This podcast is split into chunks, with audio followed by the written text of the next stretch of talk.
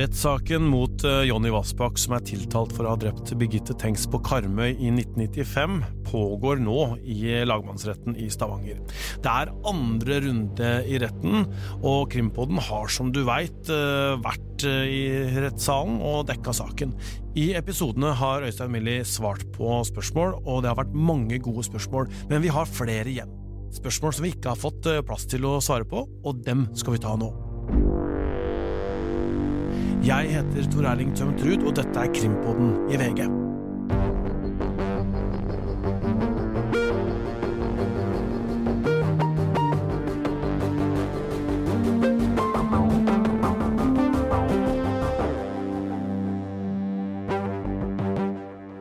Er du klar, Øystein? Jeg er eh, veldig klar. Nå har du vært i retten eh, nå i Stavanger, og du har også vært i den første rettsinstans i Haugesund eh, i fjor. Eh, når du ser på de to eh, rettssakene, eh, ser du noen forskjeller? Altså, Hva er det du har bitt deg merke i? Nei, Først og fremst er det selvfølgelig mye likt, eh, og det sier seg sjøl. Det er den samme saken, det er mye av de samme bevisene, og, og bildet er forholdsvis eh, det samme. Men det er jo noen ulikheter. Vi har vært innom at eh, fetteren denne gangen ikke skal vitne. Og så har man et nytt omstridt anførselstegn bevis som påtalemyndigheten har varsla, og som det kommer til å bli fokus på. Det er jo et nytt DNA, eller et DNA, kall det treff, i anførselstegn, som eh, indikerer Men det er få markører, da, elleve var det vel, på, på Vassbakk, eh, som forsvarerne jo reagerte på innledningsforedragene, fordi at dette er for lavt til å bli rapportert vanligvis. Likevel så valgte påtalemyndigheten, som sier at det er en opplysningsplikt for retten i forhold til hva som skjer i saken, og legge det, eller, og nevne det da, og så kommer det til å bli fokus på det når DNA-ekspertene kommer det, et, kommer til å bli et stridstema. fordi at uh, Påtalemyndigheten vil nok uh, hevde at det trekker i retning av og styrker uh, deres sak mot Vassbakk, selv om det er lite og lavt. så vil de si at ja, men, men, det finnes noe der, og det er såpass, såpass mange markører.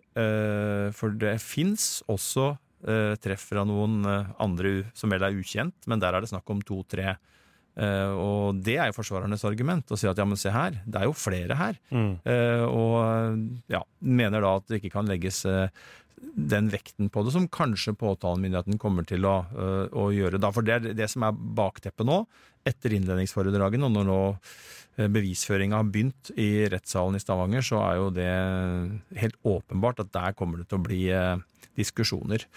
og så er det litt sånn endring av man vektlegger litt mer eller litt mindre forskjellige ting. Vi skal komme tilbake igjen til det, men vi merker oss jo at eh, og det er jo naturlig. ikke sant? Nå har påtalemyndigheten og forsvarerne kjørt denne saken gjennom retten. Ja, de kjente den i forkant gjennom saksdokumenter, men det er noe helt annet å høre og se det som skjer i retten, eh, på alle vis. Både det at vitner forklarer seg muntlig istedenfor at du ser skriftlig.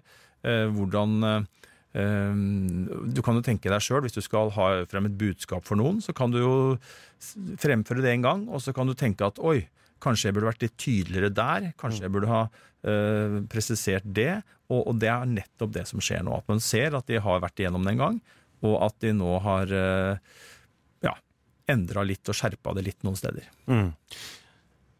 I 1995, da Birgitte Tengs ble drept, så er jo en teori i hvert fall at hun ble eh, kjørt med en bil. At hun ikke kom seg fra Kopervik sentrum og hjemover eh, til fots eller noen andre steder, men at hun ble kjørt i en bil. Og det er jo tema i retten også, fordi eh, Helge stiller spørsmål om dette her. Eh, Jonny Vassbakk, har han forklart eh, hva slags biltype han hadde, og hva slags farge det var på den, eh, når han var ute og kjørte drapsnatten?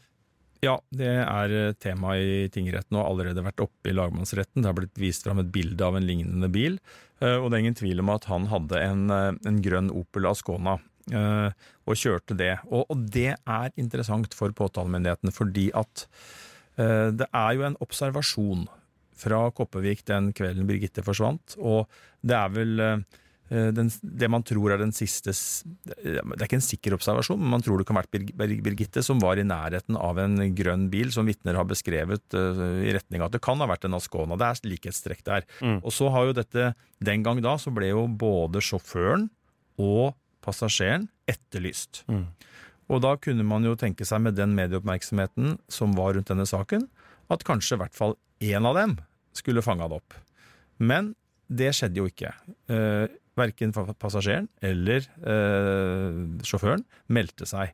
Og politiet og påtalemyndigheten spør seg om hvorfor det, eh, og da igjen sett i lys av all den oppmerksomheten denne saken hadde da og hatt siden.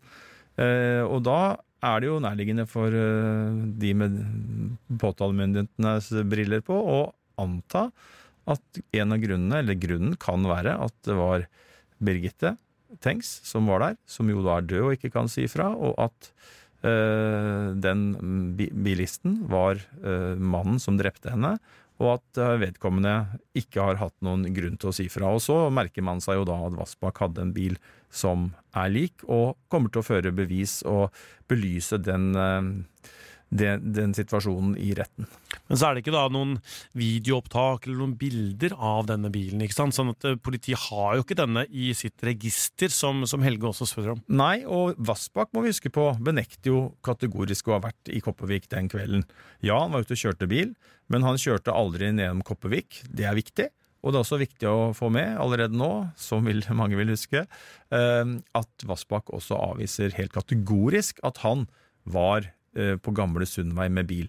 Oppsummert så er det sånn at Vassbakk da, han avviser at han eh, var i Kopervik den kvelden Birgitte forsvant, der som vi vet, og hun, vi vet jo at hun var der. Mm. Og han avviser jo da også at han var på gamle Sundvei der hun ble drept, eh, og der står det spørsmålet. I hvert fall der hun ble funnet drept. man vet jo ikke helt hvor hun ble drept, eller?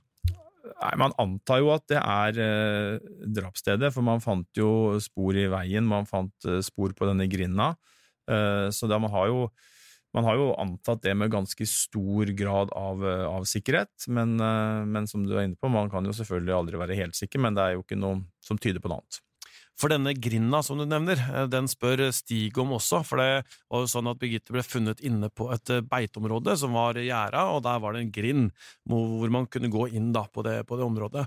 Og der var det et eh, klart og tydelig skomerke. Eh, og så spør jo da Stig eh, hva har skjedd med det skomerket? Eh, bonden som fant henne, har også kommentert dette skomerket. da.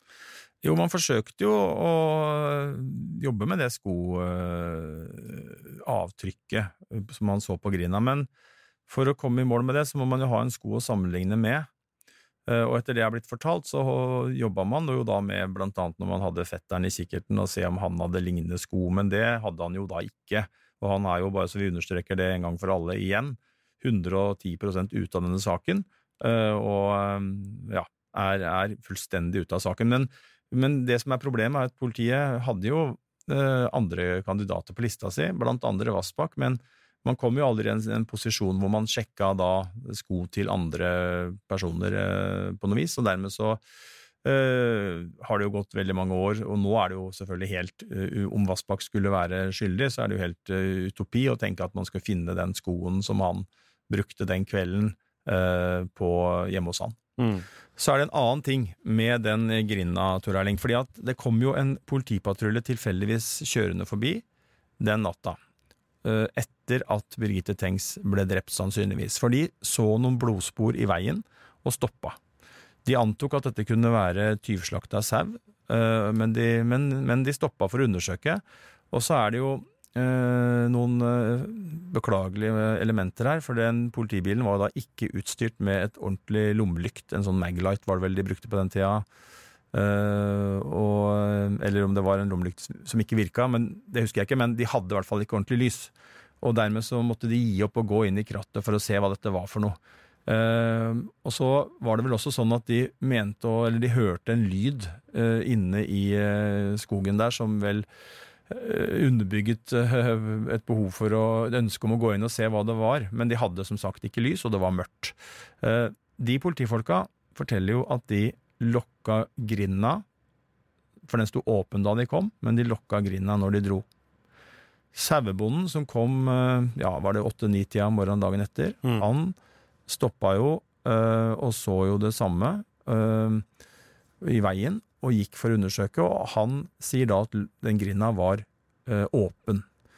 Eh, så det er jo to spørsmål der. Det er jo hva slags lyder hørte de politifolka da de var der, og hvorfor var grinda da eh, åpen når sauebonden kom, så lenge den var lukka når politifolkene dro noen timer i forveien. Og det er jo et eh, mysterium, og en av mulighetene er jo selvfølgelig at det kan ha vært en gjerningsmann som var på stedet da politifolka var der. Eh, de så ingen bil, eh, og det er jo et moment som sikkert forsvarerne vil merke seg. Mm. Når en sånn drapssak eh, skjer, da, så, så, er det jo mange som blir årvåkne og legger merke til ting som, som er spesielle eller mystiske eller på en måte litt uvanlig.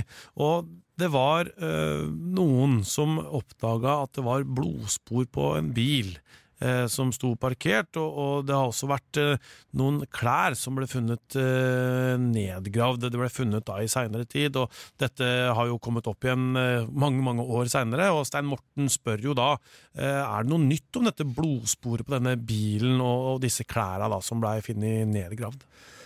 Uh, no, det var jo flere ting. Det er jo også snakk om et dørhåndtak som ble funnet i nærheten av åstedet, som har vært gjenstand for undersøkelser og vært oppe i saken hele veien. Men det er jo sånn da, at uh, det dukker opp, uh, har en tendens til å dukke opp ting i en etterforskning som uh, kan virke rart og mistenkelig, men som man ikke klarer å koble til det som har skjedd, eller faktisk da klarer å utelukke med tanke på handlingen man etterforsker. Og det er jo det man har landa på i disse, disse sporene vi snakker om her, for å kalle det det. De, de har man ikke klart å koble til saken på noe vis.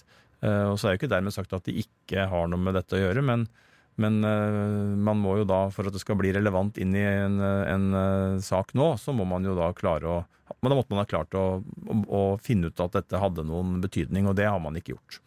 For det er jo sånn at Man kan ikke ta alle disse tingene som dukker opp og bare sette det inn i saken. eller Det må undersøkes nøye. og Når det gjelder den bilen, så, så, så ja, de sier at det var blod på den, og så vaska de bilen. og Da politiet kom for å undersøke det, så fant ikke de noe blod. og Da har jo de ganske gode eh, muligheter til å finne sånt. Eh, de sa at det var ikke noe blodsøl på den bilen som de kunne finne, men de kan heller ikke utelukke at det kan ha vært det.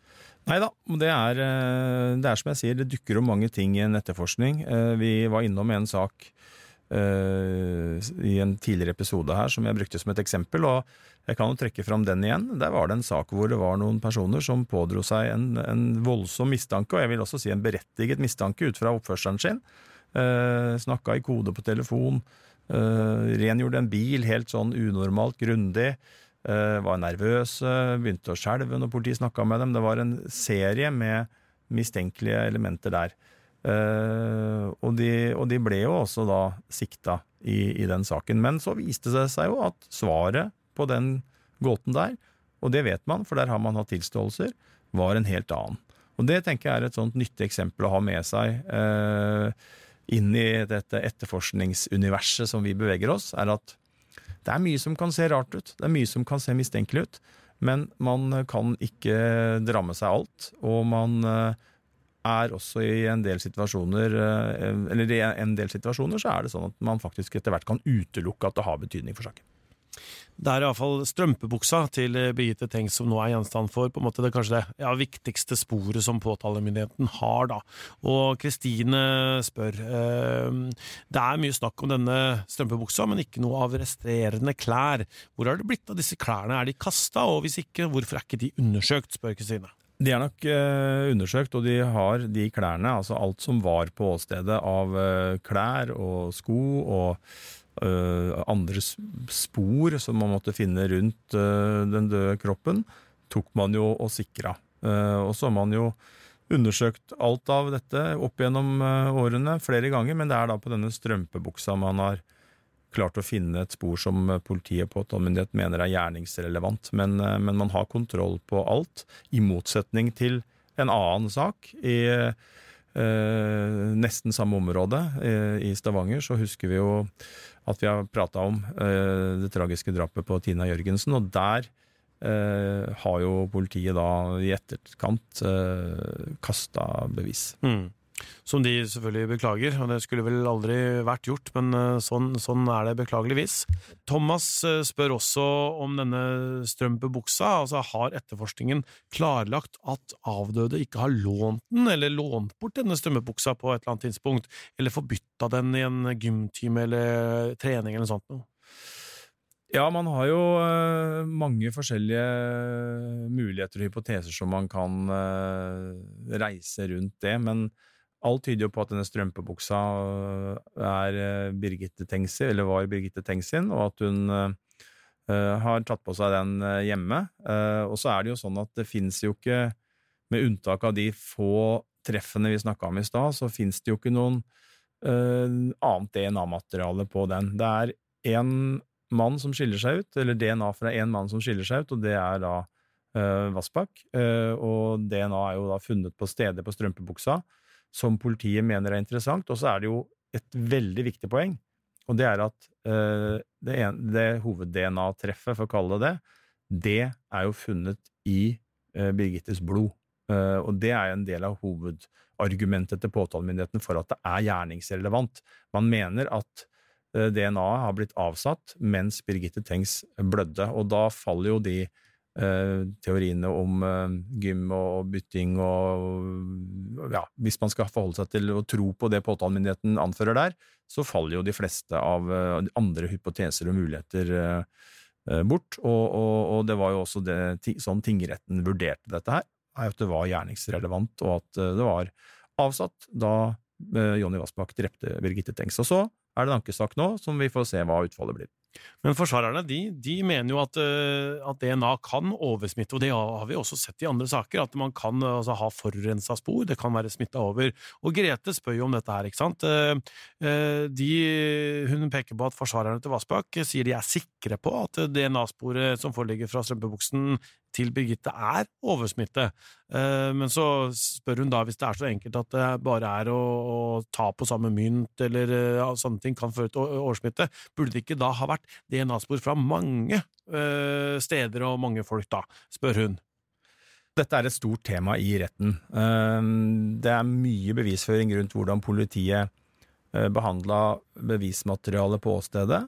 Det er mye bevisføring rundt hvordan dette er behandla i ettertid, og det er selvfølgelig mye bevisføring rundt selve analysen som nå er gjort, og som er, øh, har ført frem til hovedbeviset mot Vassbakk.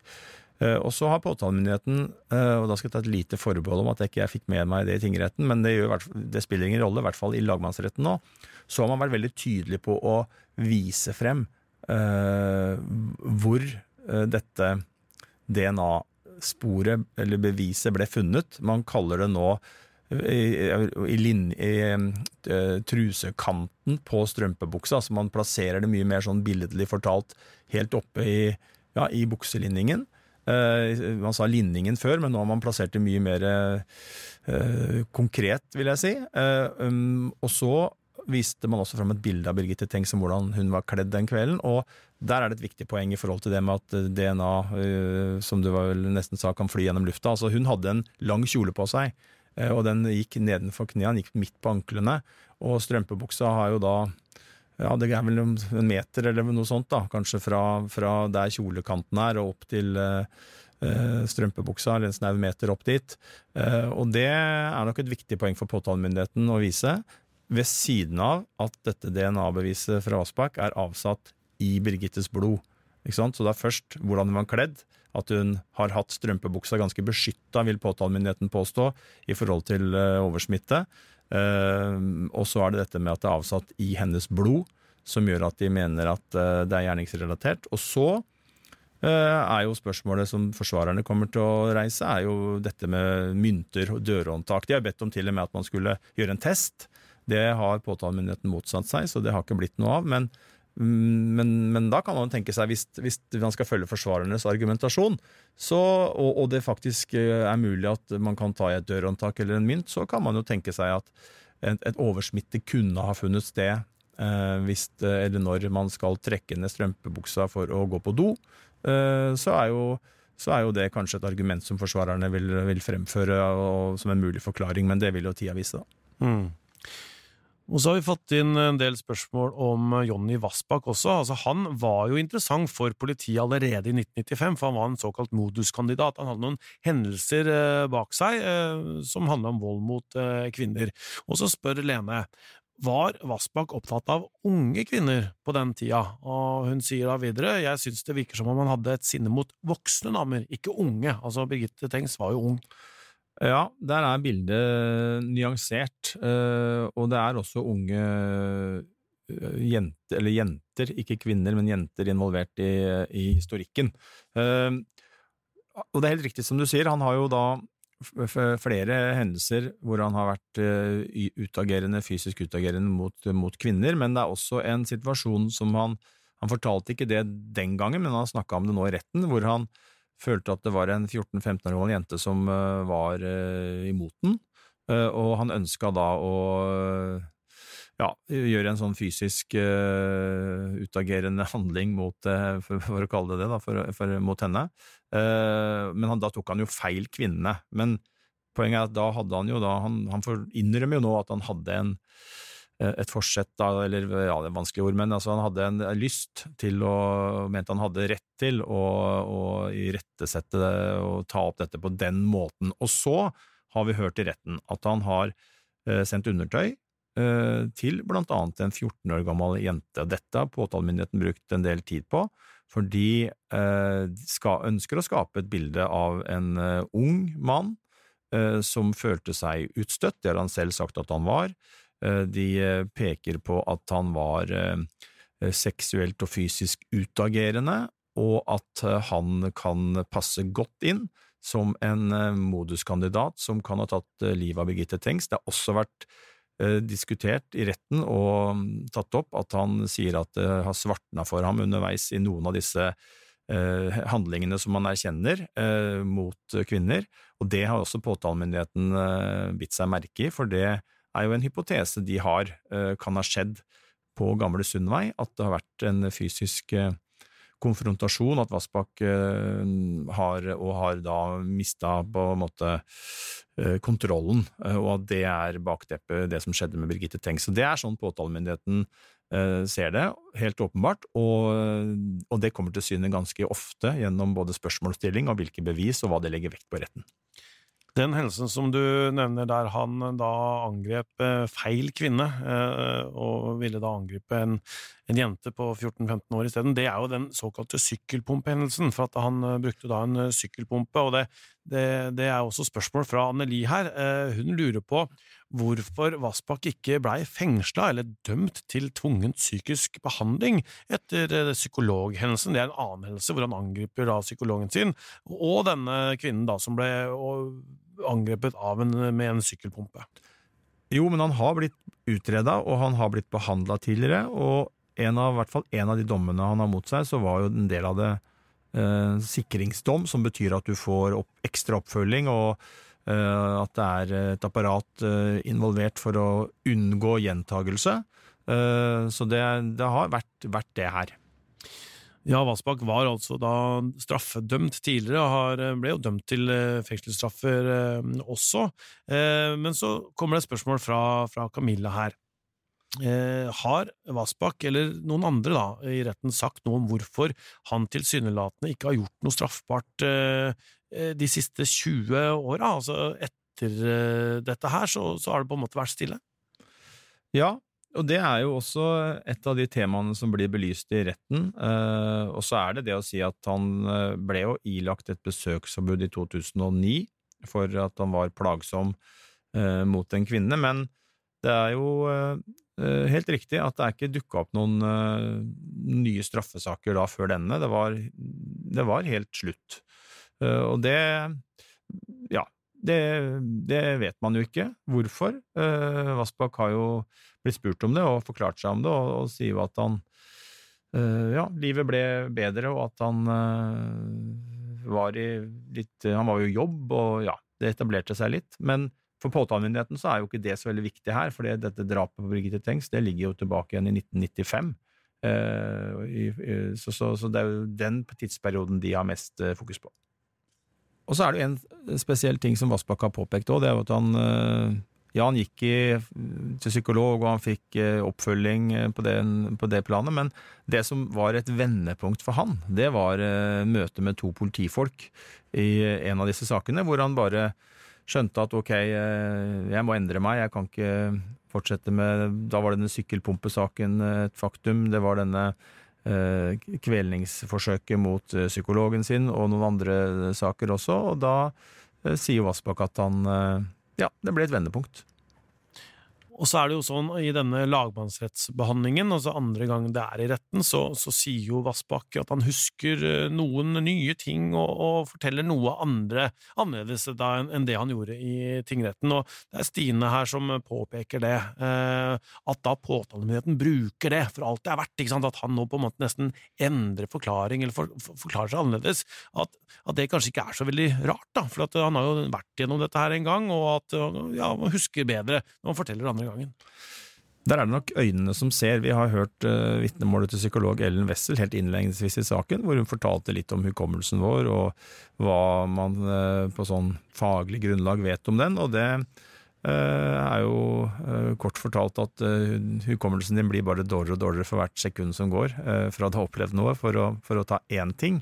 Men når det gjelder dette med hva folk husker og ikke husker, og så er det jo ofte sånn at eh, påtalemyndigheten eh, har andre syn på det enn den forsvarer. og i denne situasjonen så, så var det jo blant annet at Vassbakk da huska hvordan en jente så ut nå, som han ikke har huska før. Og da undrer jo påtalemyndigheten seg hva det er som gjør at han kan huske det plutselig.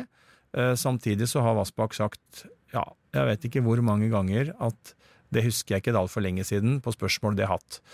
Og der vil jo da eh, en eh, påtale, eller en aktor som det heter også, vil nok kanskje tenke at her er det en som eh, husker det han vil, i hvert fall, kan, eller motsatt, sier noe som ikke er sant, men som han påstår han husker, for å skaffe seg troverdighet. Og så vil forsvarerne være mer i synk med, med Stine her og si at uh, nei, det kan jo være veldig mange forskjellige ting som gjør at du plutselig husker noe.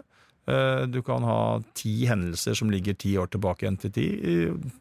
Du husker ikke ni av dem noe særlig godt, men den tiende husker du fordi at da var det et eller annet. Og det kan være helt banale ting da, som gjør at du har en knagg i hukommelsen som gjør at du husker. Og det er jo tilfellet, som Vassbakk eh, ser det, nettopp når det gjelder den jenta her. fordi at i en av samtale med forsvarerne så har de sagt uh, ordet hippie, uh, og da gikk det opp et lys. Da kobla han det, og da sto det plutselig klart for han hva slags antrekk den jenta hadde på seg da. Og dette er en observasjon som ligger tilbake igjen på 90-tallet, men, men, men, da sier han at han huska det. Og så er jo det hans forklaring, og så får jo påtalemyndigheten tenke og tro og mene, mene hva de vil om det, hvis det blir et tema.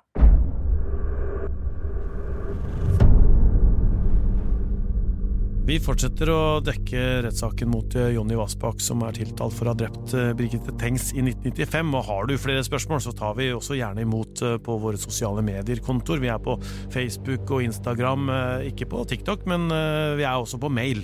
Krimpodden at vg.no. Det er Ruth Einevold Nilsen som har laga denne episoden. Øystein Millie var med. Jeg heter Tor Erling Tømtrud, og i Krimpodden jobber også Hanna Espevik, produsent Vilde Worren, nyhetssjef er Emilie Halltorp.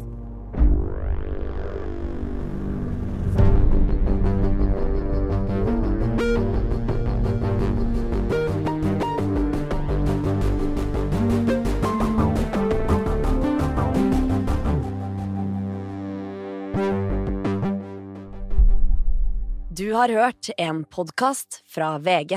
Ansvarlig redaktør, Gard Steiro.